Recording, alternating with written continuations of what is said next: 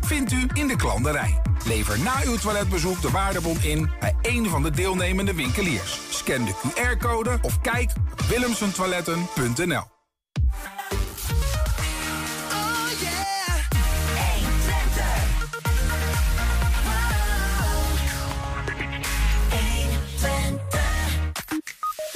Je zult slachtoffer zijn van een geweldsmisdrijf en letsel oplopen, maar je schadezaak blijft maanden of langer op de plank liggen.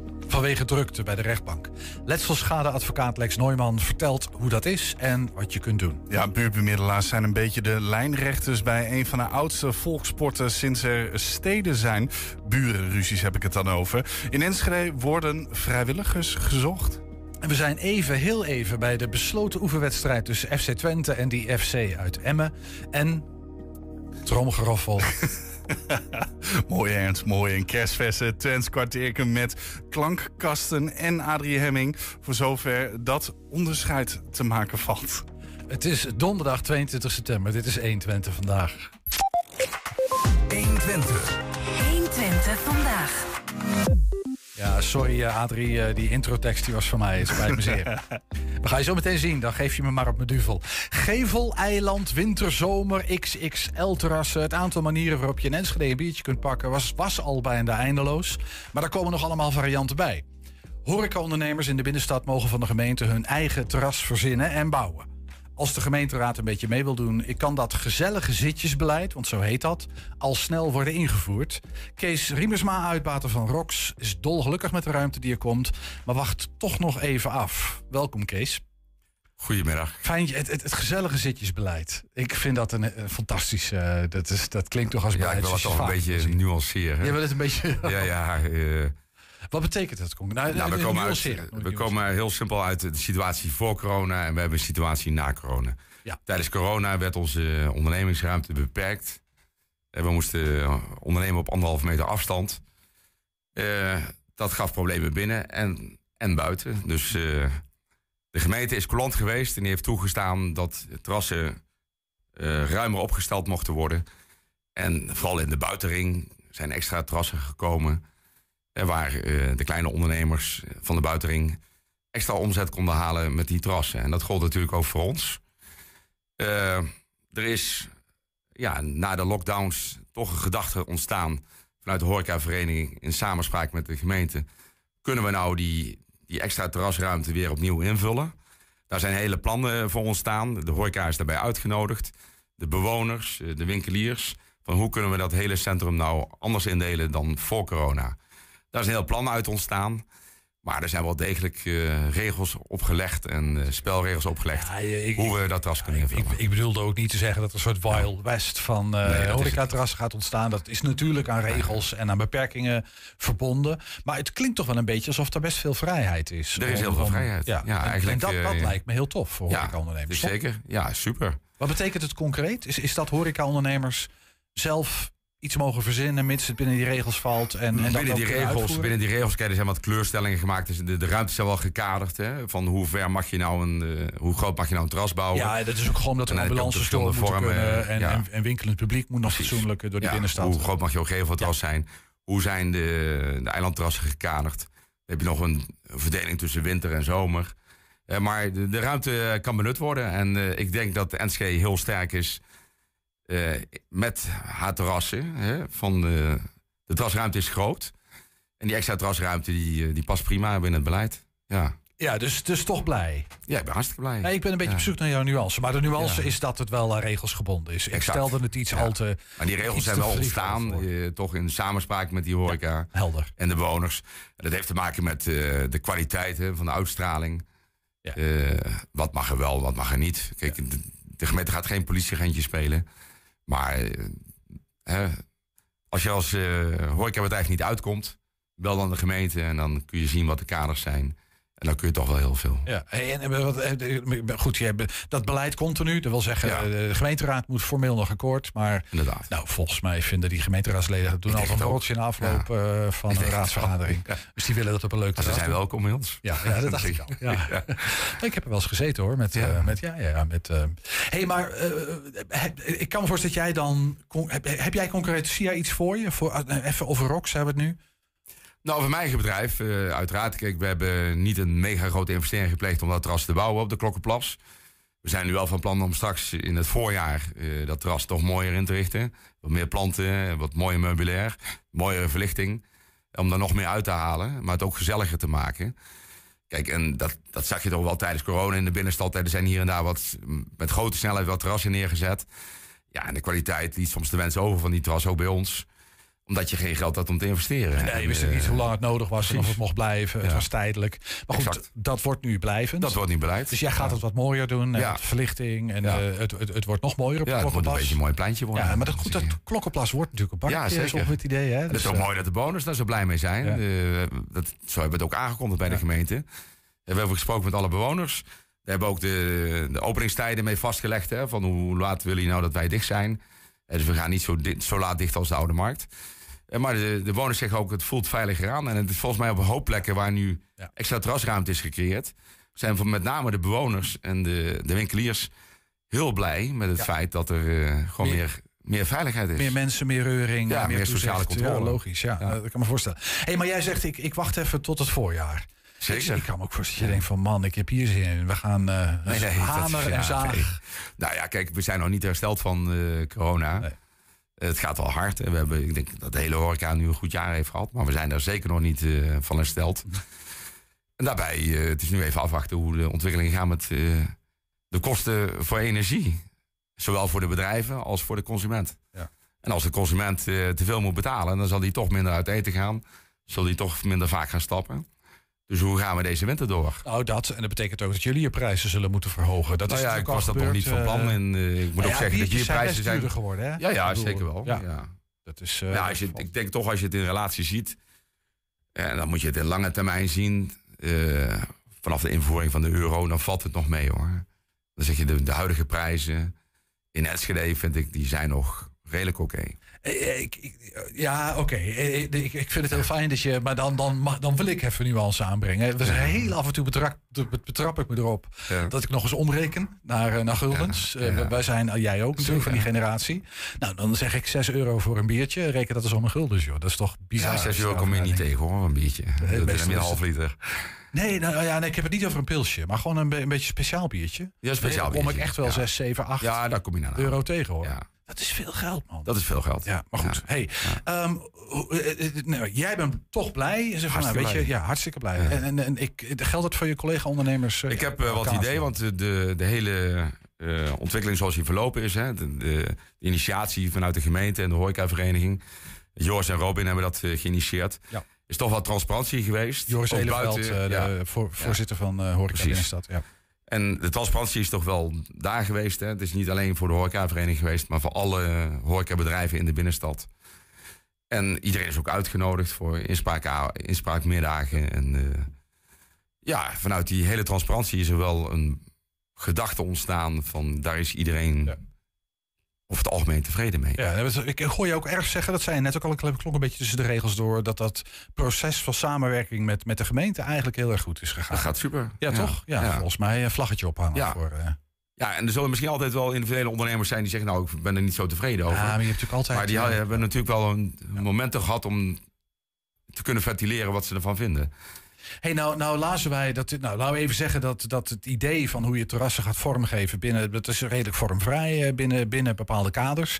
Uh, maar het, het, het, er zijn wel kwaliteitseisen. Ja. Wat, wat bedoelt de gemeente? Wat moet ik me daarbij voorstellen? Nou, de gemeente bedoelt daarmee natuurlijk een redelijke kwaliteit van meubilair. Een redelijke, tijd, een redelijke kwaliteit van, van bijvoorbeeld parasols. Uh, en wat, wat ga je neerzetten? Het moet acceptabel zijn. Uh. En dan gaat het over kwaliteit in de zin van, nou ja, je wil niet de parasols op bezoekers vallen, veiligheid, maar ook kwaliteit van uitstraling. Moet een beetje cachet dus hebben. toch de verantwoordelijkheid vanuit die ondernemer. Ja. En, uh, ja. en die vond daar, kijk, de gemeente zegt ook van, wij kunnen niet bepalen wat voor parasol je er neerzet.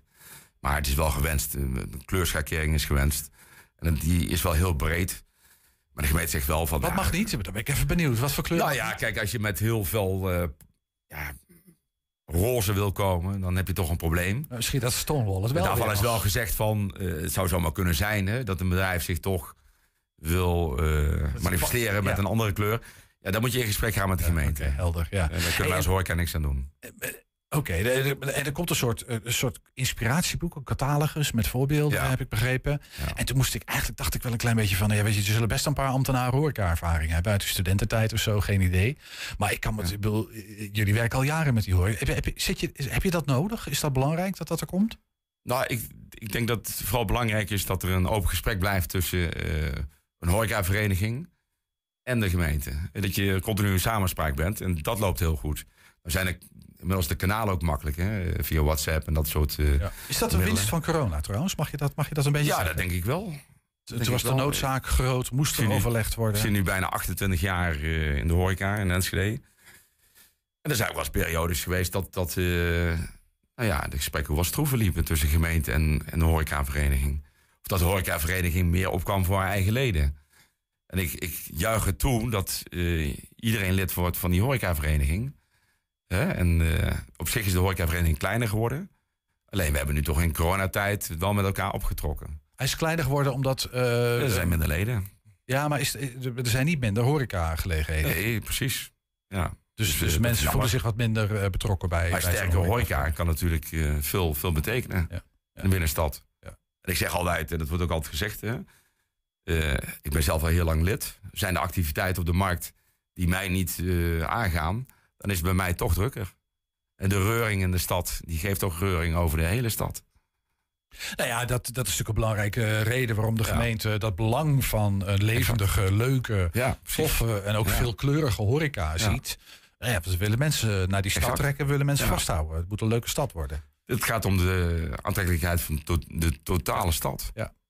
Ja, en daar mag iedereen zijn eigen kleurtje hebben, dus ook zijn eigen terras. Uh, binnen nou ja, daar, zijn vrijheden in binnen de grenzen. Ja, precies. Hey, dan eh, had je het al even, we hebben het al even over jouw terras gehad. Uh, ja, leuk op die Klokkenplas, volgens mij hartstikke goed. Um, als jij nou mag dromen, de, de, de, het natte droomterras van Rox, wat gaat dat worden? Nou, het terras, wat ik vooral zoek is in de, de aankleding van mijn eigen terras, is dat, dat uh, het vooral gezelligheid uitstraalt. Dat je ik wil er toch wat meer planten creëren. Dat is een beetje een, een tuingevoel geven. Dan zeg je, ja, past dat nou bij Rox? Ja, ik vind wel, uh, bij Rox uh, gaat natuurlijk wel redelijk hard met de muziek. Is, is, maar dan buiten, daar zitten mensen en uh, dat is lekker rustig. Maar goed, lekker wat meer een tuingevoel geven. Ja, maar het, het, het, het wordt niet een soort uh, Engelse theetuin achter. Nee, zo niet. Dat past maar meer, niet nee, ons, dat past niet bij ons. Nee. nee. maar dan meer toch in de gedachte van intimiteit, hè? Het, het, is uh, omgeven door een beetje planten en gezellige aankleding, gezellige avondverlichting. Ja. ja. dat je gewoon lekker kunt zitten daar. Ja. En wel met grote groepen bij elkaar aanschuiven. Heb je de indruk dat, uh, dat de meeste van jouw collega's uh, de winter even afwachten en dan van het voorjaar... Ja. dat, dat zal ik wel eens in het voorjaar mogen wij. Ik ben toch echt wel benieuwd hoe het deze binnenstad er de volgende zomer uit gaat zien. Hoe, ik denk dat goed. Ja, leuk. Hey, maar eerst de winteroverleven, zie je er tegenop? Nee, ik zit er niet tegenop. Prinsjesdag was, gaf toch wel goed nieuws. Hè? Ik hoop ook dat het er snel komt. Uh, dat, dat de energielasten van mensen toch beperkt gaan blijven. En of we nou als horeca steun gaan krijgen, dat, daar heb ik nog niet zoveel vertrouwen in. Maar ik hoop van wel. Maar uh, ja, als de klanten kunnen blijven consumeren, dan komt het goed. Ja. Ja, mooi. Hey, uh, nou, we, we, we, blijven je opzoeken. Kees, Kees uh, Ringersma ja. was dat van uh, Café Rox over het nieuwe ja, gezellige terrasjesbeleid. Hè? Zo heet dat ongeveer. Ik ben de term precies kwijt, maar daar komt het op neer. Ja, ik vind het prima. Ja, toch? Dankjewel, Kees. Dankjewel. Jullie ook bedankt. Zometeen burenruzies komen in de beste buurten voor. Met elkaar in gesprek gaan kan dan uitkomst bieden. Maar soms willen, partijen, willen beide partijen niet met elkaar praten. En bel je daarna een buurtbemiddelaar. Echter zijn die niet in overvloed en is Enschede nog altijd druk op zoek naar gegadigden. En ook zijn we als podcast te beluisteren. Daar kun je alle, uh, uh, op alle bekende platforms kun jij de hele uitzending vinden en ook één item uitgelicht. 120. 120 vandaag druk amper aan, of soms zelfs helemaal niet. In Gelderland werden deze zomer 1500 letselschadezaken naar de prullenbak verwezen. Simpelweg omdat er niet genoeg eh, strafrechters zijn om ze te behandelen. Dat ging dus om strafzaken en om slachtoffers ook. Nou, en ook in Overijssel neemt die druk op rechtbanken toe. Letselschadeadvocaat Lex Neumann heeft zo'n 100 dossiers al meer dan een jaar op de plank liggen, als ik dat goed heb uh, onthouden. En houdt zijn hart vast. Hij is uh, bij ons. Welkom, Lex. We moeten nog even een jingletje doen. ja, dit is mijn uitspraak en daar moet u het mee doen. Rechtspraak met Damstee Advocaten. Nou, Lex, welkom. 100 zaken een jaar op de plank. Ja, nee, het, het zijn er wel ietsje minder hoor. Maar het is. Um, het gaat kan je de microfoon iets dichter bij je mond uh, doen? Dan, ik, ik, ga hem iets dichter bij mijn mond doen. Goed zo. Nee, het zijn er wel iets minder, maar uh, inderdaad ook. Um, nou ja, goed. De, de, het is denk ik niet alleen een trend hier, maar eh, overal in Nederland. Er is gewoon een tekort aan rechters. Um, en ja, je krijgt dan dus het effect dat op een gegeven moment de capaciteit bijna dwingt, om het maar even zo te benoemen, dat je moet zeggen van ja, goed, dan kunnen we gewoon sommige zaken niet behandelen. En ja, en in, in Gelderland, ik noem het al even, hè, in de, in de inleiding 1500 gevallen. En dat zijn allemaal strafzaken? Ja, want je, je noemde het even letselschadezaken. Dat zijn strafzaken. Waarbij dus een, uh, het Openbaar Ministerie eigenlijk vindt dat die dus door een rechter beoordeeld moeten worden. Of dat ze zelf in eerste instantie hebben gezegd: we gaan een straf opleggen. En de verdachte zegt: daar ben ik het niet mee eens. Ik wil dat er een rechter naar kijkt. En vervolgens uh, ligt die dus op de plank bij de rechtbank van... wilt u ze alsjeblieft gaan behandelen? En, ehm, en ja, goed, op een gegeven moment is het zodanig opgelopen, die stapel, dat men gewoon tot de conclusie kwam: we kunnen dit nu niet behandelen. Ehm, en ook niet binnen redelijke termijn. Want je hebt ook als verdachte eh, net zo goed hè, rechten. Heel belangrijk. Ehm, maar die moet ook binnen een afzienbare tijd op een gegeven moment een uitspraak kunnen hebben. Je kan niet verwachten van een verdachte, net zo goed van een slachtoffer, maar ook voor een verdachte, dat je niet zegt van nou we gaan jou drie jaar op een uitspraak laten wachten. Nee, nou zijn er in, in Gelderland uh, 1500 zaken zijn de prullenbak ingegaan, uh, ja. letselschadezaken. Dat is in Overijssel nog niet aan de orde. Nee, is, is, is, het niet zo dat dan dat soort zaken een beetje verdeeld worden over die rechtbanken in Nederland? Want dat kan ik me dan ook voorstellen. Ja, gek. dat is dus ook iets waar ik zelf ook aan zat te denken. Van hé, hey, waarom, waarom gebeurt dat niet? Uh, ik moet ook, ja, dan moet ik ook gewoon de weet ik niet. Ehm, ik, ik, ik denk volgens mij, uh, er zijn ook duidelijke regels over. Hè, dat er, waar ongeveer een feit wordt vervolgd en waar het incident plaatsvindt, daar moet je in principe moet je ook daar uh, dagvaarden. Um, ja, dus dat zou een reden kunnen zijn dat ze zeggen van we gaan het, uh, ja, we kunnen het niet verplaatsen. dat is in ieder geval niet gebeurd. Maar ik, ik, ben wel even benieuwd, want jij, nou, jij zegt zijn er geen honderd, maar ik heb er wel een aantal liggen op de plank ja. inmiddels. Um, hoe lang duurt dat ongeveer gemiddeld? Uh, als ik als gevolg van, ik heb het nu over strafzaken, dus ja. iemand pleegt een misdaad, daarbij loop ik schade op. Ja. Um, wat het dan ook is. Ja. Uh, en, en ik dien een letselschadelzaak in. Dus nou, ik wil dat dat letsel vergoed wordt. Ja. Ho hoe lang moet ik dan wachten voordat er een rechter zich overbuigt hier in Overijssel, ja. zo nou, ongeveer? Nou ja, poeh, dat, dat, het, het gek is, soms kan het echt heel snel gaan. Um, en dan is het ook eigenlijk, dan ligt er dan een strafdossier en dan wordt er een, een, een, zittingsdatum ingepland. En dan kan het zo binnen een maand, twee, drie maanden, uh, kan het op zitting staan. Dat is echt heel snel. Um, maar je ziet ook wel dat um, enerzijds het wordt snel op zitting gepland, maar als er ook maar iets van omstandigheden zijn waardoor er zo'n zitting niet door kan gaan, bam, dan ben je opeens staan. Schuift het ineens een heel stuk op. Ja. En dan kan het zo zijn dat je opeens een jaar aan het wachten bent, ja. een half jaar. Ja. En nogmaals, ik, ik, ik, ga ook niet meteen roepen dat het in Overijssel een probleem is. Dat weet ik niet. Ik weet niet wat er achter staat. Ik zie alleen maar dat het ook daar gebeurt. Maar en... zie je dat het oploopt, eh, die, die wachttijden? En, ja, die, uh, en, dat, en dat hoor ik. En, en, en het gek is, het is niet alleen dat ik dat hoor. Um, en zo, zo, zo werkt de politiek natuurlijk nu ook. We hebben het over uh, nou ja, goed, nu, ja, dat is altijd een beetje de waan van dag. Maar gelukkig, er zijn op een gegeven moment ook heel eigenlijk kamervragen hierover gesteld van, uh, aan de minister van hoe zit het hiermee? Ja. En die zegt zelf van ja goed, uh, dit is vooralsnog een probleem in Gelderland. Maar landelijk speelt dit probleem, want we hebben simpelweg gewoon te weinig rechters. Ja, landelijk. Het is natuurlijk voor een voor rechtsstaat als Nederland is dat een probleem. Hè? Want je, bedoel, we Ja. zijn een rechtsstaat. Ja. Ja, als je dan zaken niet uh, in het gerecht kunt behandelen, omdat het Ja. er gewoon te veel zijn, of te weinig rechters. Want dat is het probleem. Het is niet zo dat strafzaak, dat je meer strafzaken hebt. We hebben gewoon minder rechters. Ja, en het probleem, en, en, en dat maakt het ook eigenlijk ehm, ehm, iets waarvan ik, eh, wat ik dan ook zorgelijk vind. En natuurlijk, ja, ik bedoel, er is toch overal tegenwoordig noemen we het een crisis, maar dat is weer een andere. Ehm, dit is ook weer een, een, soort een, probleem wat we zelf gecreëerd hebben. Want we hebben in eerste instantie hebben we gezegd van nou, we gaan de recht. En, natuurlijk, voor, voor, overal is er wat voor te zeggen. We, op een gegeven moment hebben ze gezegd van we gaan niet rechters meer rechtstreeks uit de schoolbanken opleiden. Maar ze moeten eerst een aantal jaar ervaring hebben. Dat betekent dus dat je dus heel veel rechters die dus misschien heel graag rechter hadden willen worden, zeggen van ja goed, dan gaan we een ander vak kiezen. Die komen erachter, dat vind ik ook wel leuk. Die gaan die overstap niet meer maken. Dus je ziet dus dat. ehm, hè, dus, dus, dus, dus mensen blijven dan op die manier weg. Nou, nu zijn ze echt, en dat, dat merk ik, je wordt er helemaal gespamd. Ik vind het hartstikke goed dat ze het ook doen. Dat er nu heel veel rechters worden geworven. Hè. Maar goed, een rechter is ook niet binnen een dag rechter. Dus die moet ook opgeleid worden. Die moet nog steeds hele strenge selecties door. Dus je ziet gewoon dat ehm, ze hebben in eerste instantie het probleem gecreëerd. Gewoon te weinig geld. Enorme hoge werkdruk. En dan vervolgens, dan, ja, dan ga je dus op een gegeven moment krijgen dat je te weinig rechters hebt. Hey, je zei net, sommige zaken, uh, nou, het, het, kan redelijk snel gaan, hè, met een paar maanden op zitting en dan buigt de recht zich erover.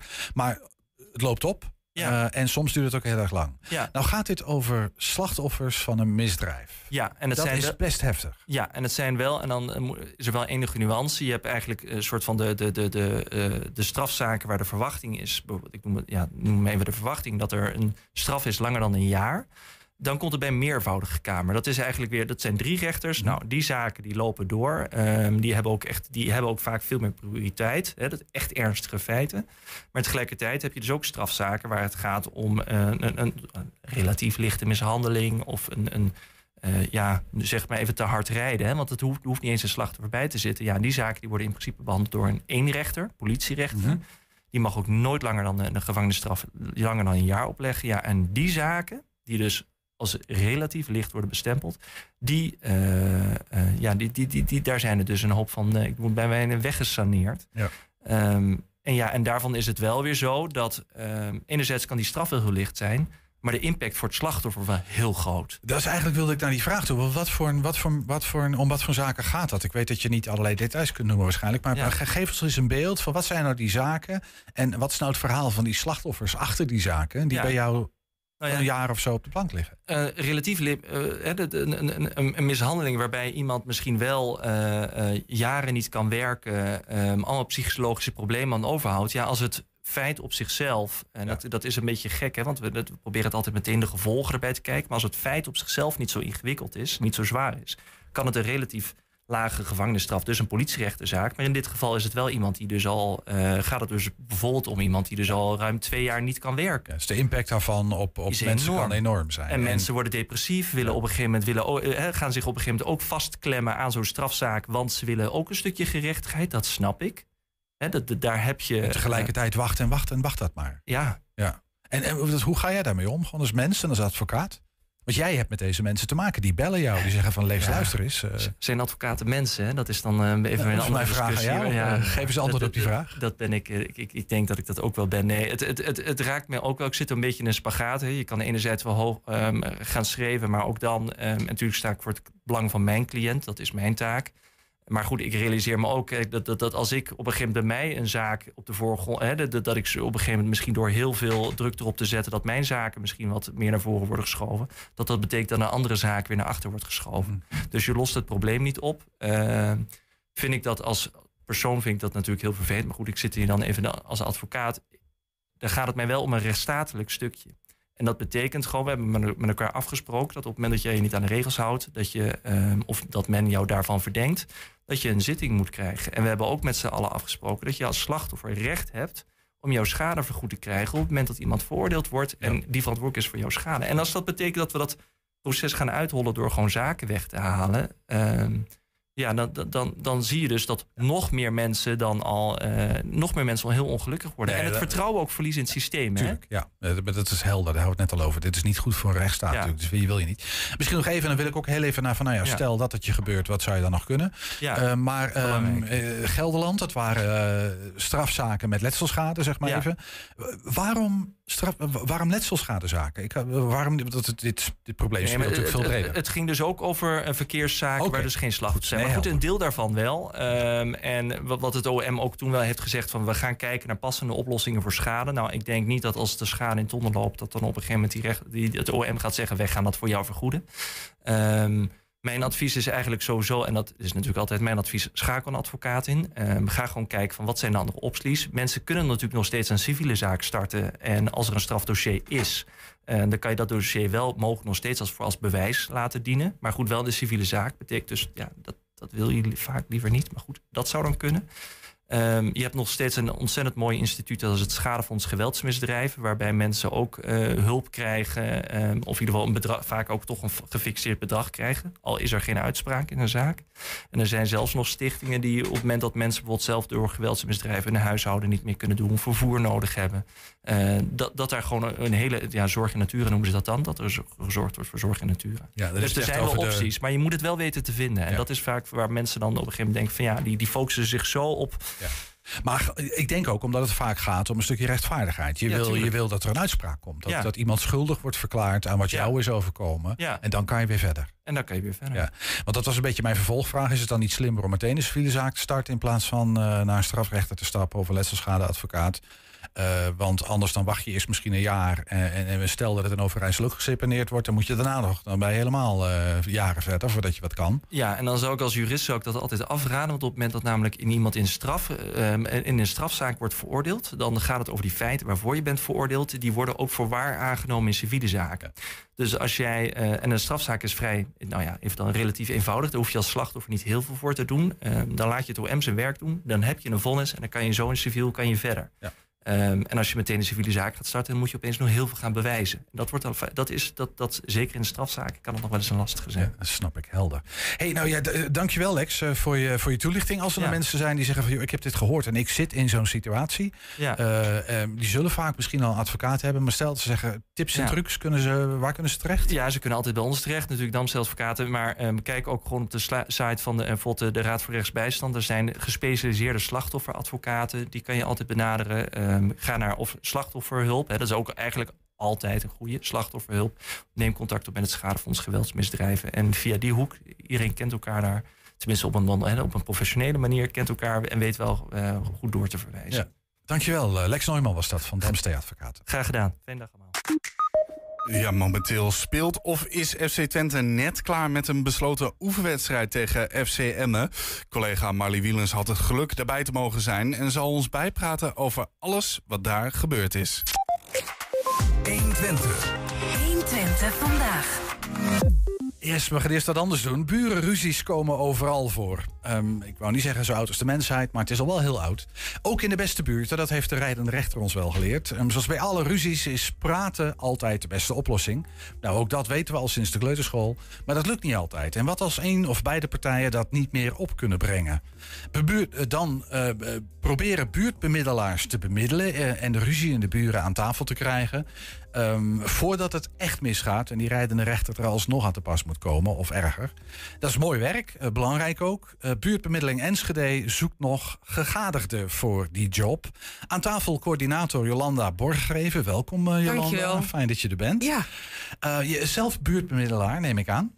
Ik heb het in het begin uh, redelijk veel bemiddeld. Om natuurlijk ook zelf inderdaad te voelen hoe dat is. En uh, nu is het vooral inderdaad uh, dat de bemiddelaars het zelf doen. De vrijwillige bemiddelaars. Ja, want jij bent een, een betaalde kracht. Ik ben een betaalde kracht, ja. een van de twee zeg maar voor buurtbemiddeling en Schree. Oké, ja. precies. Dus dat is een organisatie. En daar zijn een aantal vrijwillige buurtbemiddelaars ja, aangesloten. Klopt, ja.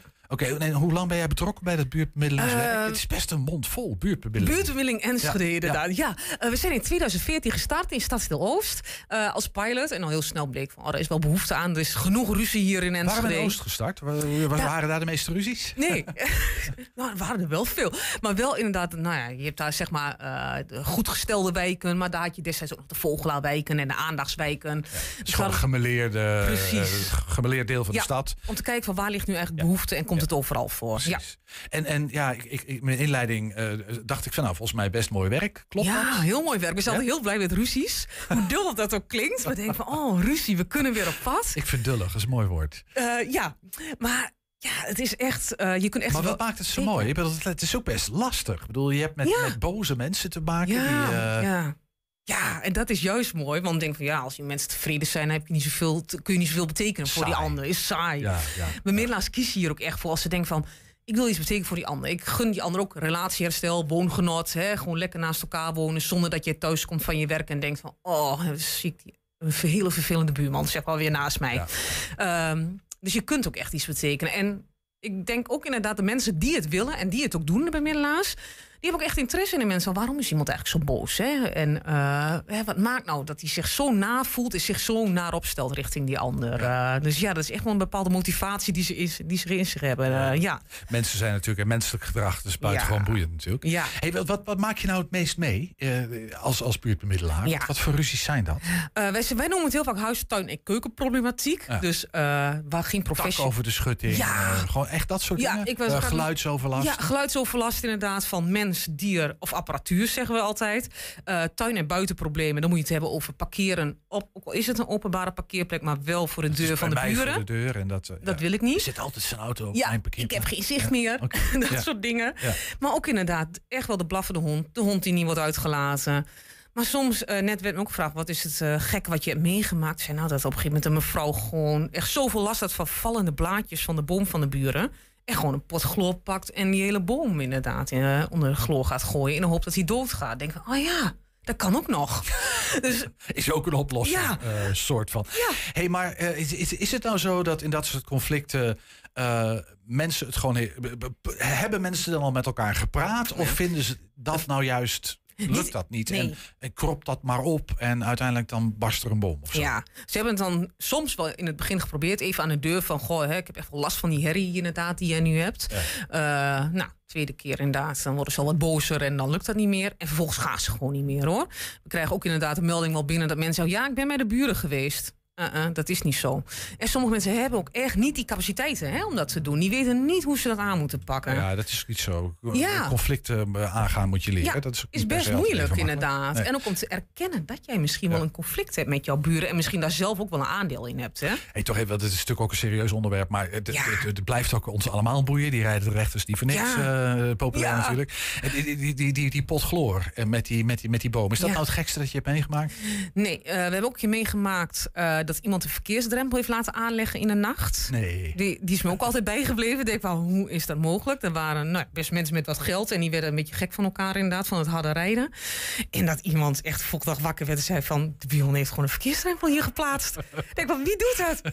dus dat vond ik een bijzondere. En ik had het net inderdaad met een collega van jou over. Uh, iemand die gewoon al haar vieze ondergoed had bewaard. Nou ja, hoe verzin je het? En allemaal aan de auto had gehangen van de buurman. Nee. En dan moet je wel in die auto kunnen trouwens. Ja, hij had ze allemaal aan de spiegels gehangen, aan de ruitenwissers. Oh, en, uh, maar, maar, waarom vies ondergoed? Wat ja, had die buurman? hebben we niet duidelijk gekregen. Nee. dat, dat, dat zijn hele gekke dingen. Denk, ja, oh, gekke ja. dingen, maar dat klinkt dus alsof er een gek verhaal achter ja, zit. Ja, precies. Uh, wonderlijk. Hey, um, maar dat vroeg me ook af. Hè. Waarom nou buurtbemiddeling?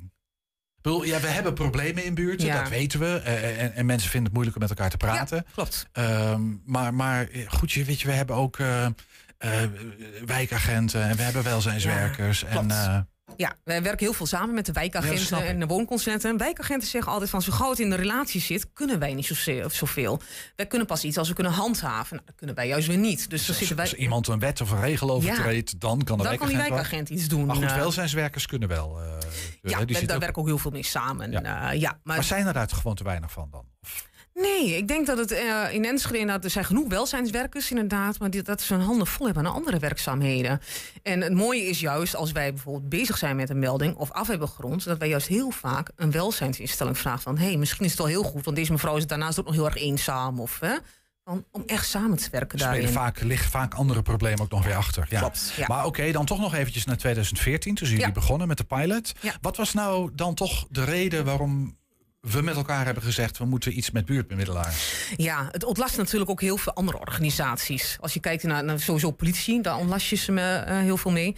Maar ook inderdaad het juridische. Mensen kunnen, hè, zoeken heel vaak de juridische weg. Maar Ja. Ik blijf een beetje zitten met die vraag... omdat we nu een hele pool met vrijwilligers lostrekken... die dat Ja. misschien ook wel heel tof werk vinden, hoor. Dat is misschien leuk. Ja, Eh, en die, misschien vervelen ze zich anders ook wel, ik heb geen idee. Ja. Maar voor, voor, voor natuurlijk gewoon een ma- sociaal-maatschappelijk probleem. ja, dat klopt. Eh, dus, dus, en dat voelt wel eens gek. Ja, maar dat delen we allemaal hoor. Zo van, goh, hè, hebben we nu echt vrijwilligers nodig om deze problemen aan te vliegen? Ja. Nou, hè? Dat is een beetje mijn vraag. Ja, Maar goed, precies. dat is kennelijk zo. Dat is kennelijk zo. Dat blijft ook altijd wel de spagaat. Eh, we hebben ook wel gezegd van ja, nou ja, de gemeente heeft ook gewoon mediate. Dus waarom worden die niet ingezet? Ja, dat is natuurlijk, ja, kostentechnisch is dat ook een heel ander Ja, verhaal. dat is altijd ja, een kostenverhaal is natuurlijk. Dat altijd, het is altijd een geldverhaal. Ja. Maar goed, daar komt natuurlijk ook bij dat je hebt vrijwilligers. En ehm, ja, die zijn niet per se opgeleid om met dit soort soms toch wel echt ingewikkelde situaties om te gaan. En met echt boze mensen. Ja.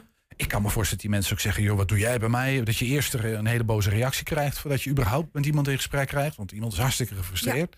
Dus dat is niet zo makkelijk werk. En de kans dat je daar brokken maakt of misschien eh nou ja, de juiste vlam in de pan slaat als jij je ermee gaat bemoeien, lijkt me ook niet. eh, Nee, en toch, eh, heel veel vrijwilligers, zeggen heel veel bemiddelaars gaan voor de deur van... goh, ik ben vrijwilliger bij buurtbemiddeling. Krijg dan te horen van, zit je nou echt alleen maar dit werk te doen als vrijwilliger? Wat vind je daar nou leuk aan?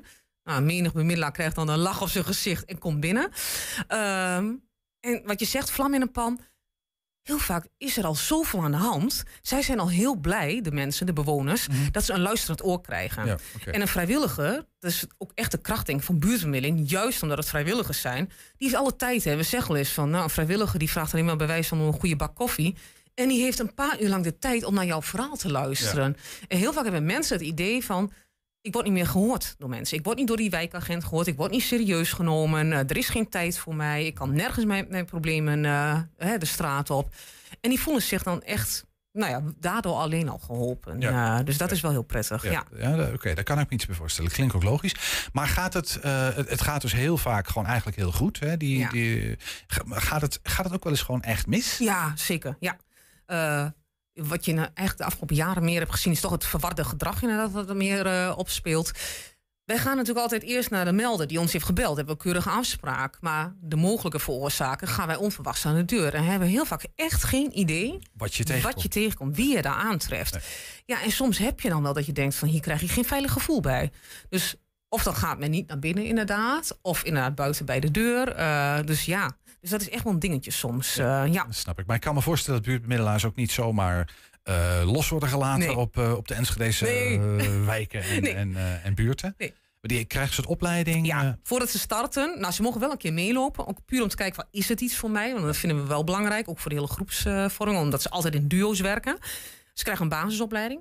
Pas als het certificaat behaald is, mag men ook pas officieel bemiddelen. En ze krijgen ieder jaar verdiepingstrainingen. Zoals nu is bijvoorbeeld omgaan met weerstand. Is echt wel een ding. Dus heel veel bemiddelaars gaan al die training weer volgen. Van, hey, hoe kan ik hiermee omgaan eh, hè, tijdens mijn gesprekken? Ja, Dus ja, dus jaarlijks worden ze echt wel getraind. En ze worden inderdaad niet zomaar losgelaten. Nee, Nee. dat snap ik. Wat voor, Nee. En waar letten jullie op? Wat, wat voor soort mensen eh, zoek je? Jullie zoeken mensen. Ja. Wat soort mensen moeten dat zijn? Is, dat, is daar iets over te zeggen? Ja, ja, maar ja, ze moeten kunnen luisteren. Eh, ik zeg altijd van mezelf, ik ben wat dat betreft geen goede bemiddelaar. Ik weet nog wat een bemiddelaar moet Je, je zijn. praat te veel. Ik praat te veel. Ja, en een bemiddelaar moet echt kunnen luisteren en eigenlijk horen wat er niet gezegd wordt. En dat is lastig. En vooral als jij inderdaad denkt van, nou, leuk vooral, ik ga er helemaal in mee. Nee, jij moet eigenlijk op je handen zitten eh, en op de juiste momenten inhaken.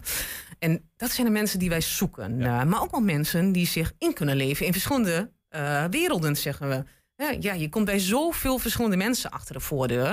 Het is echt wel belangrijk dat jij eh, nou, toch wel een beetje inlevingsvermogen hebt van hey, hoe moet ik hier schakelen? Hoe moet ik hierop insteken? Ja, en, geen, en geen redderscomplex hebben. Nee, nee, absoluut niet Dat inderdaad. probleem wel zo. Hey, eh, hoe- hoeveel buurtmiddelaars hebben jullie? We Ongeveer? zitten, ja, we hebben er nu 35. Oké. En dat is Eh, voor heel Enschede. Dat is voor heel Enschede inderdaad. Maar En eh, hoeveel wil je er? liefst 45. Dus je wil er tien bij? Ja. En waarom? Ehm, wij, wij zijn heel vrij wat dat betreft. Je bepaalt je eigen agenda. Dus je, als je zegt van eh, ik heb geen tijd, is het ook goed. Maar we hebben inmiddels een gewoon wachtlijst. En ik had verwacht, na corona is die wachtlijst al weg. Maar dat is niet zo. Nee. Die wachtlijst blijft op de een of andere manier. Ja, dus je wil die vrijwilligers de ruimte geven om een eigen schema Ja. te kunnen maken. Ja. Maar je wil ook de vragen die er liggen in de stad wil je kunnen Precies. bedienen. Wil je kunnen helpen. Dat dus is nog het. tien erbij, minstens. Mogen er ook vijftien Oh, zijn. mogen En we, er zijn. en we hebben de vacature, die kunnen we daar ook heel even voorhouden om eh, Ja. die buurtbemiddelaars uiteindelijk te vinden als er toch nog tien bij moeten. Dan we, want waar, waar kunnen ze terecht? Eh, bij buurtwilling Enschede. En dat is bij mij. Eh, heel kort en simpel eigenlijk, Jolanda Borggever. Als je buurtwilling Enschede zoekt, vind je dat, dat zijn enige gegevens. Dus eh, krijg je of mij of mijn collega eraan. Dus, Ja, eh, ik ja. zie hier een e-mailadres info apenstaart buurtbemiddelingenschede.nl en een telefoonnummer 068 nee 06 828 24184. Ehm, maar goed, dat gaan we nog wel lekker in een artikeltje zetten. Kan je het even nalezen. Eh Jolande Borgever was dit van die buurtbemiddeling Enschede. Minstens 10 nieuwe buurtmiddelaars graag. Mogen er ook 15 zijn. Dankjewel Ja. Jolanda. Hartstikke bedankt. Super. Ja, zometeen een nieuwe editie van Het Twents Kwartierken. 120. 120 vandaag. Ja, FC Twente heeft vanmiddag in een besloten oefenwedstrijd met 1-0 verloren van FC Emmen. Aan de telefoon collega Marley Wielens, die was bij dat duel. Goedemiddag Marley. Hey Julian. Was het spannend? Nou, ik heb wel eens eh, spannendere wedstrijden gezien, laat ik het zo zeggen. Het was, eh, ja, het mooie is, ik heb, daar had ik eigenlijk even naar jullie mee moeten sturen. Als je de opstellingen ziet, wat dat betreft was het ook misschien niet helemaal een gelijkwaardige strijd bij Twente. Toch voornamelijk uh, reservespelers en ook een paar jongens uit de academie. En uh, ook, je kon het ook zien, een heel klein lijstje, maar met, uh, met wisselspelers op de bank vanmiddag. Omdat ze de groep in tweeën hadden gedeeld, zoals de trainer zojuist zei. Dus eigenlijk alle jongens die de laatste weken voornamelijk basisplaatsen hebben gehad, die hebben vanochtend stevig en pittig getraind. En de rest mocht vanmiddag uh, in actie komen tegen Emmen. Uh, Michel Flap speelde wel 75 minuten. Die heeft uh, ondanks een hersenschudding gehad. En die is nu ja, net weer twee wedstrijden erbij geweest. Maar kon nog niet volle bak. Ging ook nog niet helemaal lekker. nog niet helemaal op zijn niveau zoals voor de blessure. Dus die kon vanmiddag mooi even wat minuten maken. Heb jij nog uh, andere bijzonderheden? Hi Marley, met mij ook even. Ja, ja. Hi, maar ik, ik, vroeg me even af, als jij zegt jongens uit de academie, um, wisselspelers. Heb jij op de bank of misschien op het veld toch nog bijzondere dingen gezien? Misschien een talentvolle speler van potverdorie hoor, de gaten Nou ja, dat zijn wel jongens, ja, ook die reserves. Dat zijn jongens die je ook wel in de Eredivisie-wedstrijd ziet. Alleen dan meestal geen basisplaats. Alhoewel, bijvoorbeeld, nou ja, daar Rot stond in de basis. Ja, die begint natuurlijk ook wel eens in Eredivisie-wedstrijden in de basis net een beetje wie op dat moment de voorkeur krijgt. Ja. Uh, maar als je zegt opvallende dingen, ik denk voor Twente de grootste domper, als we het over daar Rodders hebben, dat is ook uh, de blessure die hij opliep. En ik heb jullie wat beelden gestuurd. Ja, we hebben de beelden draaien op dit moment. Zijn die wordt, wordt weggetild van het veld. Het ziet er niet goed uit. Dragen, dus dat, uh, ja, dat zegt dan misschien al wel iets over de ernst van de kwetsuur. Uh, er is nog geen uh, diagnose. Hij is nu naar het ziekenhuis toe. Uh, was erg emotioneel, hoorden we net van Ron Jans. Dus mm. ja, dat ziet er niet goed uit. Dat kon wel eens een paar weken gaan duren. Dus dat was een flinke domper aan Twente kant. Ja, is altijd vervelend. Ook het meest natuurlijk voor de speler, maar ook, ook voor de trainer natuurlijk, die dan weer beperkter wordt in zijn keuzes. Ja, helder. hey, maar toch 0-1 verlies. Um, ik kan me voorstellen dat voor, FC Twente niet, niet heel, heel fijn is. Je hebt er bijvoorbeeld wisselspelers. En eigenlijk wil je ook met die wisselspelers een beetje een vergelijkbaar niveau op het veld houden. Dat is niet helemaal Ja, dan krijg je een beetje dat scorebordjournalistiek. Het, het, dat zei Jans net ook. Het, ging, het gaat hem in zulke wedstrijden, zeker zo'n oefenduel, eigenlijk helemaal niet om de uitslag. Het gaat echt om, hé, hey, het is heel nuttig. Hè? Die jongens minuten laten maken en toch ook weer ja, wat dingetjes uitproberen misschien. Dus ja, ik denk dat hij zich niet uh, heel erg blind staart op die uitslag. Nee, dat hij daar niet conclusies aan verbinden. Twente kreeg ook wel wat kansen hoor, dus... En, en, misschien tot slot, uh, Marley, nog, nog iets bijzonders. Er zijn eigenlijk nog twee vragen. De eerste is, was er qua tactiek of zo nog iets, iets gezien dat jou is opgevallen... en zegt van, hé, hey, dat is toch opmerkelijk? Uh, volgens mij niet echt, hoor ik al. Nee, niet speciaal. Ik zei eigenlijk de meest opvallende was die, was die blessure. En ook, ja. Uh, de, ja. ja. dat is eigenlijk normaal dan de wisseltype El Maach. Die begon de wedstrijd. Ik vermoed dat hij anders misschien wel de hele wedstrijd had gespeeld. Maar die moest ook geblesseerd eraf. dat leek iets minder zwaar. Een hamstring iets met de hamstring, denk ik. Okay. Um, dus, nou ja, dus eigenlijk bij Twente vooral uh, wat, in die zin wat tegenvalletje. Met wel die van daar Rots wel als grootste tegenvallen. Alright, hey, en tot slot uh, besloten oefenwedstrijd. Maar kunnen we uh, nog ergens beelden zien? Jazeker, wij hebben daar net uh, beelden gemaakt. Dus de samenvatting uh, verschijnt later op ons YouTube-kanaal. En nou ja, ik refereer net al twee keer aan uh, dat ik even met Ron Jans heb gesproken. Dus er komen ook nog interviews aan.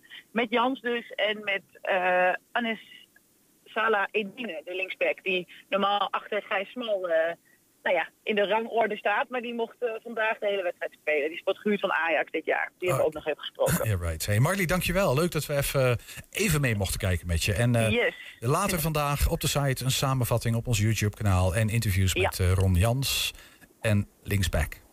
Yes, heel goed. Ik ben de naam kwijt. Anna Salah ja, Edine.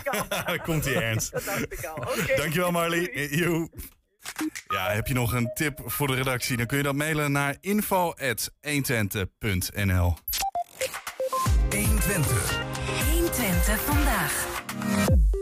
Ja, we beginnen met een nieuwe editie, uh, Julian, van, uh, van het Twents kwartier. Ik heb je er zin in, Ernst? Maar uh, ja, ik heb Je kijkt zo serieus. Nee, we moeten even... Kom op, even een beetje... Nou, doe nog één keer. Kijk. Beetje gezelligheid ook in krijgen. Want Adrie is bij ons. Adrie, hallo. Adrie is in de house. Ja, Hartstikke goed. Ja. Hey, we beginnen, voordat ik een heel uh, verhaal ga zitten afsteken... we beginnen, begrijp ik altijd, traditiegetrouw... met een terugblik op vorige week. Dat doen uh, Een aantal woorden, vier maar liefst in totaal. Uh, neem ons eens mee, Adrie. Wat hebben we geleerd vorige week? De vorige week ging het over de hellhound, hè, of de helle hond uit de Lutte, het symbool. Omdat daar dit weekend een theaterfestival is. Grond, ja. Grond. Dat was de aanleiding, hè. Ehm, dat, oh, dat is schro. Ja, dat was ook een, uh, een mooi woord. Hè? Dat, schrale grond. Dat is het zand, eh, de zandgrond. Grond. In, in het, uh, maar je gebruikt het ook als, als, als iemand schraal ja. in zijn gezicht is. Hè? Ja, dan ben je schro. Ja, Dat, dat, klopt. Je kunt het voor alles inzetten. Ja. ja. dat is mooi van taal, hè? een tolkieker. Ja, daar hadden we ook een discussie over. Hè? Dat, dat was eigenlijk publiek. Ik heb nog opzorg en ik had eigenlijk, nou ja, het, het woordenboek heeft gelijk. Dus, uh... Ja, nee, dus je hebt ook gelijk. Ja. Tuurlijk heb je gelijk. En het woord oh, van de week. Eindig, hè? Dat was. Oh, sluiten. Sluiten. Sluiten, ja. Gulzig drinken. Zoepen. Zoepen brengen naar gewoon. Ja. hey, dan hebben we. Uh, goed, we gaan, uh, we gaan zo meteen wat nieuwe Twentse woorden krijgen. En ook een woord van de week uh, opnieuw. Maar voordat we dat gaan doen, um, gaan we het eerst over wat anders hebben. Want inwoners van Overijssel opgelet. Marie moet gevoed worden. Wie? Nou, Marie. Ja. Marie is een zogeheten klankkast die straks in een verpleeghuis komt... waar bewoners woorden in verschillende Overijsselse dialecten... en ook in het Nederlands te horen krijgen. Nou, om die kast te vullen worden Overijssels, uh, Overijsselnaren opgeroepen... om in hun eigen taal of dialect een lijst met woorden in te spreken en op te sturen. Het is een initiatief van de Overijssel Academie Concordia, Karint Regeland en Stichting Laudio. Bedenker van Marie is Lubert Priems. Of misschien is het Lubert Priems, ga ik me zo even vragen. En hij is via een Zoom-verbinding bij ons. Lubert of Lubert. Wat is het, Lubert of Hi. Lubert? Hi. Hey. Lubert is het. Lubert. Ja. Ja, dan, dat verraadt al een beetje. Uh, want, want ik, ik vroeg mij. Dat is de eerste vraag die ik had. Maar volgens mij heb ik al een klein beetje een antwoord. Want, want welk dialect sap stroomt door jouw aderen, Luber? Um, nou, ik ben geboren en getogen in Brabant. Maar ik woon al jaren in Limburg. Um, en Marie heeft ook een Brabant zusje, Miet. En heeft ook een Limburg zusje. En die heet Mia. Uh, en binnenkort uh, dus ook een Twentse uh, versie daarvan. Ja, dus jij, jij, jij, verlegt je grenzen. Even dat ik onderbreek nog ernst, maar het is iets te veel eer om te zeggen dat ik degene ben, de initiator ben. en degene ben die Marie bedacht heeft. Want daar zit een heel, heel team achter. Ja, ja, sorry. Ik neem, ik neem het allemaal terug. ik, ik, neem, ik neem ieder woord terug. Ja, zeker. Heel goed. hey, uh, leg ons eens uit, want een klankkast, uh, nou, dat, dat, klinkt uit, maar wat, wat, wat, moet, wat moeten we voor ons zien? Wat, wat is dat voor een ding? Nou, wat we gaan doen is strakjes in het najaar uh, gaan we onder andere bij de posten in de Enschede gaan we een kamer inrichten. En dat is de Kamer van Marie. Dat is een nieuwe kamer. Um, Marie is een fictieve personage, maar eigenlijk ook wel weer gebaseerd op de verhalen van ouderen, op waar gebeurde verhalen. En als je die kamer binnenstapt, dan gaat er iets bijzonders gebeuren. Daar zie je allerlei tweedehands kasten staan. Alsof het de ouderen zelf zijn. Dus hier en daar hangt een deurtje scheef. Of um, er zit een, een, kras op het tafelblad. Um, dat doe ik dan wel. Ik zet ze wel allemaal hoogstpersoonlijk in de boenwas. Dat die kasten wel staan te stralen. Ik, ik, ik, ik probeerde even, want ik, die kasten... Als ik naar willekeurig welke tweedehands winkel ga... en ik trek zo'n kast open, dan ruik ik oma. Nou ja, dat is ook wel een beetje de bedoeling. Maar tegelijkertijd voegen we daar nog allerlei andere geureffecten aan toe. Um, want als je inderdaad dat kastje open doet, ja. dan begint Marie tegen jou te praten. En dat is in het dialect, in het Enschedese dialect, in dit geval bij de posten. Um, en dan hoor je hoe het voor Marie is om in een verzorgingstehuis te wonen. Want je kan je waarschijnlijk wel iets bij voorstellen. Mm -hmm. Als je op je oude leeftijd moet gaan verhuizen, omdat misschien je hoofd het laat afweten, of je lijf je moet. Um, ja, je bent afhankelijk van heel veel andere mensen. Van, met alle goede bedoelingen, hè? met verzorgers bijvoorbeeld. Um, wat er dan uiteindelijk gebeurt, is dat je heel veel regie. die je normaal gesproken heel je leven lang bij je hebt gehad. uit handen moet geven. Mm -hmm. uh, maar wat blijkt, en dat is gebaseerd op wetenschappelijk onderzoek. Um, er is één ding wat echt heel erg belangrijk is.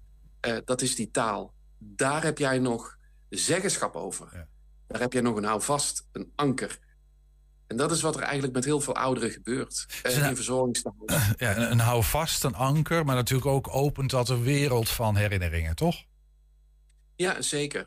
Ja, want die wetenschappers, dat zijn uh, wetenschappers van de Universiteit Maastricht en uh, het Meertens Instituut in Amsterdam. Die hebben gekeken van wat gebeurt er nou precies in zo'n verzorgingstehuis? En welke rol heeft um, de thuistaal daarin. De taal waarin ze zich het meest prettig voelen. En ernst, dat is heel vaak dialect. Hoeft dus niet per se, maar dat is ook vaak de moerstaal. En het blijkt echt dat die ouderen vele malen gelukkiger zijn als zij die thuistaal om zich heen hebben. Ik kan je misschien eens bij voorstellen, want jij vroeg mij net naar de roots, maar eh, waar liggen jouw roots? Ja, dat is een, een tamelijk ingewikkeld verhaal, maar, uh, want dat is nogal diffuus. Uh, en dat is niet omdat ik mijn geschiedenis niet ken, maar omdat die ik heb, er zijn nogal wat wegen geweest. Maar laten we toch voor het gemak even Twente. Daar ben ik wel opgegroeid. Dus uh, het, het, het, het, het Neder-Saxisch dialect, maar dan het echte platte Twents. Het zegt jou waarschijnlijk niks, maar dat is Westerhaar, Frieseveen, die omstreken. Dat is echt heel plat. Dus dan is strakjes, want dat gebeurt eigenlijk automatisch. Dat geldt dus voor jou, maar ook voor mij met mijn Brabantse achtergrond. Je gaat eigenlijk automatisch terug naar die thuistaal. En in zo'n verzorgingstehuis, als je ouder bent, vooral in een verzorgingstehuis moet ik zeggen, dan um, biedt dat soms ook troost, die thuistaal. Dat is een soort medicijn. Het wordt ook als wapen ingezet, um, maar het biedt tegelijkertijd ook, uh, wat ik zeg, een anker. Want dat is nog voor jou. En je opent inderdaad werelden. Je sluit mensen in sluit mensen ook uit. Um, nou ja, Marie vertelt dus strakjes, dat zijn we dus nu met z'n allen aan het maken, um, in die kasten hoe het is om in zo'n verzorgingstehuis te wonen en een thuis te moeten maken. Ja, helder. En welke rol dialect daarin speelt. leuk man. Maar, oh, er komt nog maar, een maar. Ik, ik, ik, ik, ga zo wel af. We moeten even naar, want... Wat zeg je? Sorry hoor, ik spreek, praat dwars door je heen. niet alleen aan het woord. We willen echt iedereen in Overijssel uh, ook in die klankkasten, ook in die verhalen laten horen. Dat betekent dus dat we niet alleen straks bij de posten het Enschedeze dialect hebben, uh, maar we zoeken ook naar het Almeloos, naar het dialect van Oldenzaal, van Dennekamp. Noem maar op. Uh, we hebben iedereen nodig. Helder. Nou, eh, dat is een hele heldere oproep. Ik zit heel even naar die radio's achter jou te kijken. Maar eh, dan nog heel even daarop ja? op in te haken. Want je hebt zoveel verschillende dialecten. Maar sommige woorden betekenen ook niet hetzelfde in een ander dialect hier in Twente. Hoe ga je dat ermee vermengen dan? Als je dan van ieder dorp of gebied dan wel een, eh, een, een, een de streektaal wil hebben. Nou, je krijgt uiteindelijk een soort geluidskunstwerkje. Wat dan uit die kast ook te horen is. Um, en het klopt. Je moet echt heel goed luisteren. Um, maar daar hebben we Adrie gelukkig ook voor, met hele deskundige oren. Dat je wel het juiste woord hebt met die betekenis ook. Ja, Adrie, je zit te lachen, maar dit is echt waar. We hebben jou nodig. Ja, het is, ik snap dat het heel belangrijk hey, eh, Misschien even ter, ter afronding van dit. Blijf alsjeblieft ook hangen zometeen hoor. Want misschien vind jij dat leuk. We hebben het gaan zo meteen over dialectwoorden hebben. En we gaan dat hebben door middel van een quiz, Ernst. Daarom. En uh, daar kun je prijzen bij winnen. Allemaal dat soort dingen. Maar Um, even tot slot, hè, wat als mensen nou die, die woorden willen, wat is een woordenlijstje? Waar kunnen mensen dat woordenlijstje vinden? Hoe kunnen ze dat inspreken? Um, nou, e-, even de praktische dingen. Nou, Marie is heel modern. Marie heeft een mobiele telefoon met een WhatsApp. Dus wat je moet doen is een spraakberichtje, een ingesproken berichtje via WhatsApp sturen naar Marie. En wij hebben een aantal Nederlandstalige woorden uit die verhalen gehaald. En het is de bedoeling dat je die uitspreekt, uh, in gaat spreken via WhatsApp aan Marie in je eigen taal. Nogmaals, dat kan een dialect zijn. Dat kan een Twents dialect zijn. Maar dat kan ook Turks, dat kan ook Marokkaans zijn, dat kan ook Indonesisch zijn, Pools, noem maar op. Als het maar jouw thuistaal is, jouw eigen taal, de taal waarin jij je prettig voelt. Oké, okay, dus, ook gewoon Nederlands, hè, hebben we het dan over? Kan ook, ja zeker. Ja, zeker. Dus er kan ook hoog Nederlands tussen zitten. Want ik neem aan dat die mensen, net zoals in Brabant en in Limburg, ook wonen in Overijssel. Ja, nee, dat is, dat is ook zo. Dat kunnen wij bevestigen. Er wonen hier heel gewone Nederlanders. hey, tof. En maar nog heel even dan toch voor mij, want, want een, een, een WhatsApp-berichtje naar Marie. Hoe kan ik Marie vinden op WhatsApp? Ja, zeker. En dat telefoonnummer, want dat gaat volgens mij te ver om dat nu allemaal te noemen. Oh, dan... Het enige wat mensen moeten onthouden is www stichtinglaudio.nl en dan slash Marie. Oké. En daar staat het telefoonnummer op. Daar staan ook die Nederlandstalige woorden op. Die moeten worden ingesproken. Voor 1 oktober. Dus vergeet het niet te doen. Nee, dat gaan we zeker doen. Uh, wij maken er een berichtje van. Uh, daar vind je al die uh, contactinformatie. Als je contact met Marie zoekt, dan lees, hou onze website in de gaten. En daar ga je hem vinden. Um, over woorden gesproken. Dan ga ik even naar jou. en blijf rustig hangen, hè, als je het leuk vindt. We hebben drie nieuwe woorden. Ja, dat klopt. Maar ik, ik geloof dat ik die moet gaan staan, dus dat doe ik dan maar. Moet je staan? Waarom moet je staan? Ja, dat weet ik ook niet, maar dat, dat heeft meer impact misschien. Ik, ik zou het niet doen, want oh, je hebt daar de microfoon liggen. Dan is het goed. Ja, nee. Doet hij het? Ja. Ja, ja dat, uh, Tom zei, uh, je moet gaan staan. Nou, dan doe dat dan maar Nou, kom maar op. Uh, nou.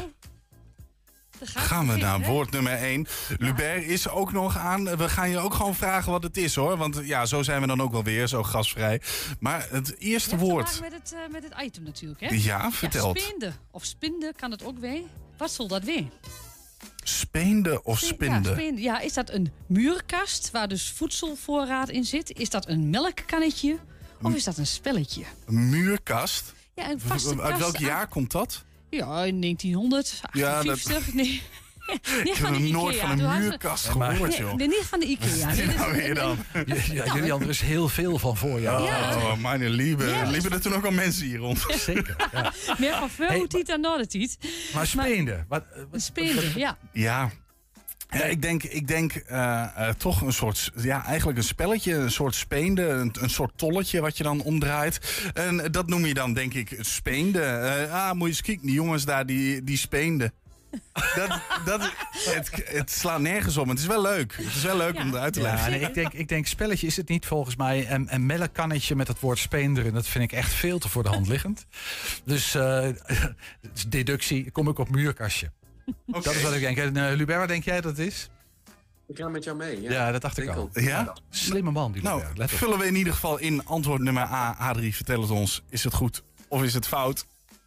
Het klopt. Ja, het is een muurkast. Het kan ook een spinde weer, maar het is niet altijd een vaste kast. Want spinde kan ook nog weer een kast weer. Er zit in in de museumfabriek. Wordt dus brood en de voorraad uh, kon En vaak was hij ook op de, uh, op de del. Zat er vastboot in de, ja, het is eigenlijk, eigenlijk is de voorraadkast. Uh, en dan vooral voedsel. Ja, voor voedsel, heb je het over. Spinde ja, of een speende. Ja. Het klinkt als oud-Nederlands gewoon, niet als Twents per se. Nee, maar het, ja, het zit wel. Uh, het, het, is in wel een Twents. Het werd wel in Twents gebroekt. Dus, maar ik kon ook wel eens oud-Nederlands weer. Maar ik kon het niet vinden online. Dus, nee. Gaan we nou woord nummer twee, Adrie, vertel het ons. Ja, dat is ook een mooi woord. Dat vind ik zelf. Hoezen. Dat is regenen. Ja, dat, dat, dat, dat, dat, nee, ik zei dit vanmiddag tegen jou, dus ik, ik denk dat jij... Dat kan ik direct, direct daar zeggen. En er staat okay. ook niet wie. Nee, is het hoesten? Hè, dat doet ze natuurlijk heel vaak. Uh, het allerleu. Nee, ja. ik weet het ook niet. ik, ik moest toch echt een associatie hebben, dus heel fout. Uh, B, is het samenwonen? Ja. Ja, dat doet ze ook in zo'n verzorgingstehuis natuurlijk. Of is het C, is het afschermen? Die ouderen moeten afgezet. Dat is wel. ja, jij maakt er een potje van, ja. Ernst, wat denk je? Ik denk ik, dat ik, op de zonnebloem niet meer uh, welkom ben. Was je daar wel welkom ooit? Ja, de Rode Kruisboord wil ook niet meer. Ik denk het, uh, ik weet het niet. Julian, wat gaan we doen? Wat denk jij? Ik wil helemaal niet meer geassocieerd worden met jullie.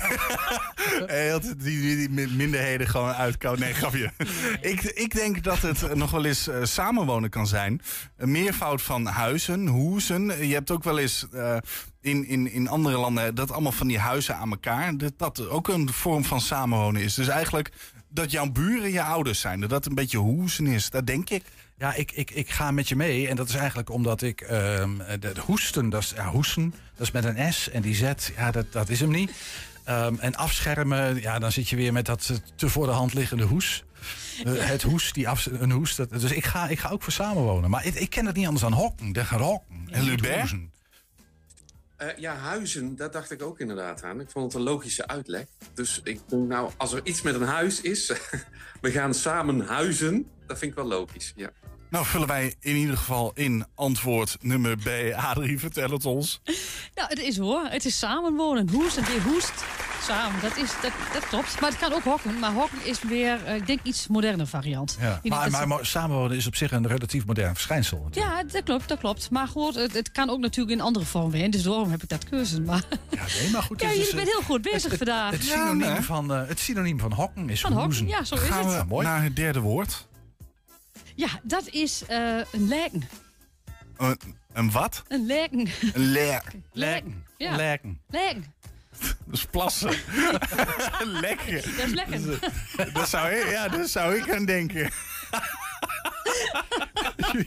oh, en dan verwijt je ons dat wij lelijke grappen maken. Nou, nee, nee, nee, nee, nee, ik heb niks gedaan.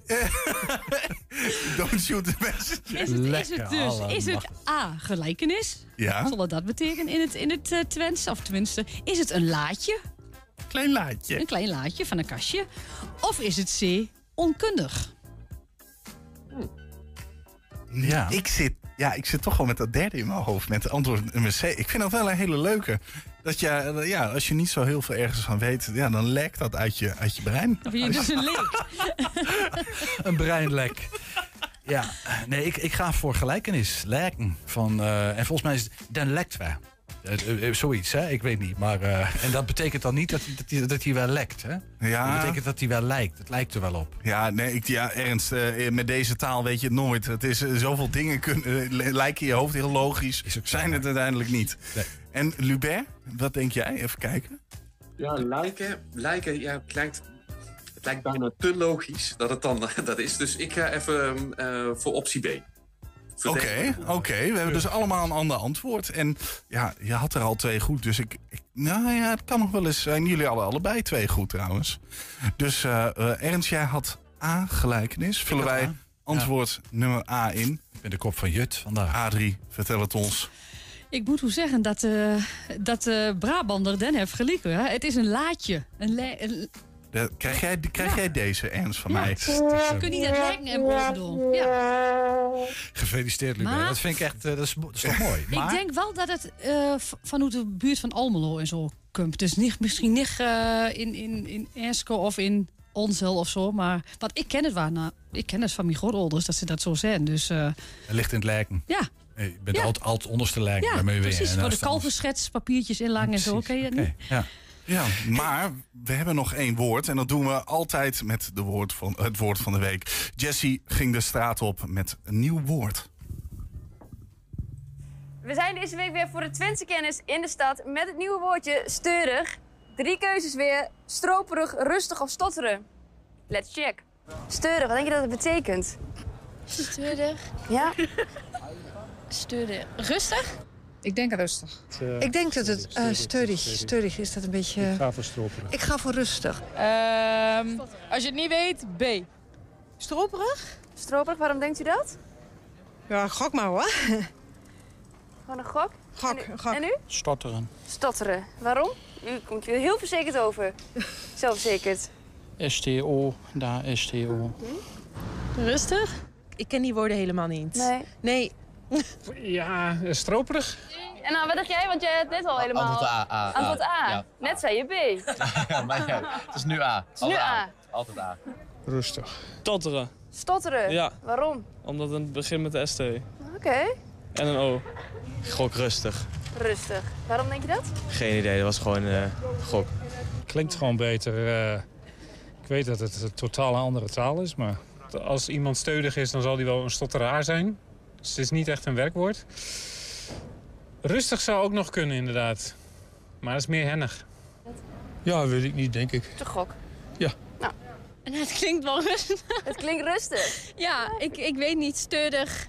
Het gaat allemaal wel rustig, gaat wel steurig. Ja, gaat wel steurig. gaat wel steady. Misschien ja. daardoor, gewoon steady, ja, rustig. Ja. Steurig, dat was hem weer. Is het stroperig, rustig of stotteren? Mannen, wat denken jullie?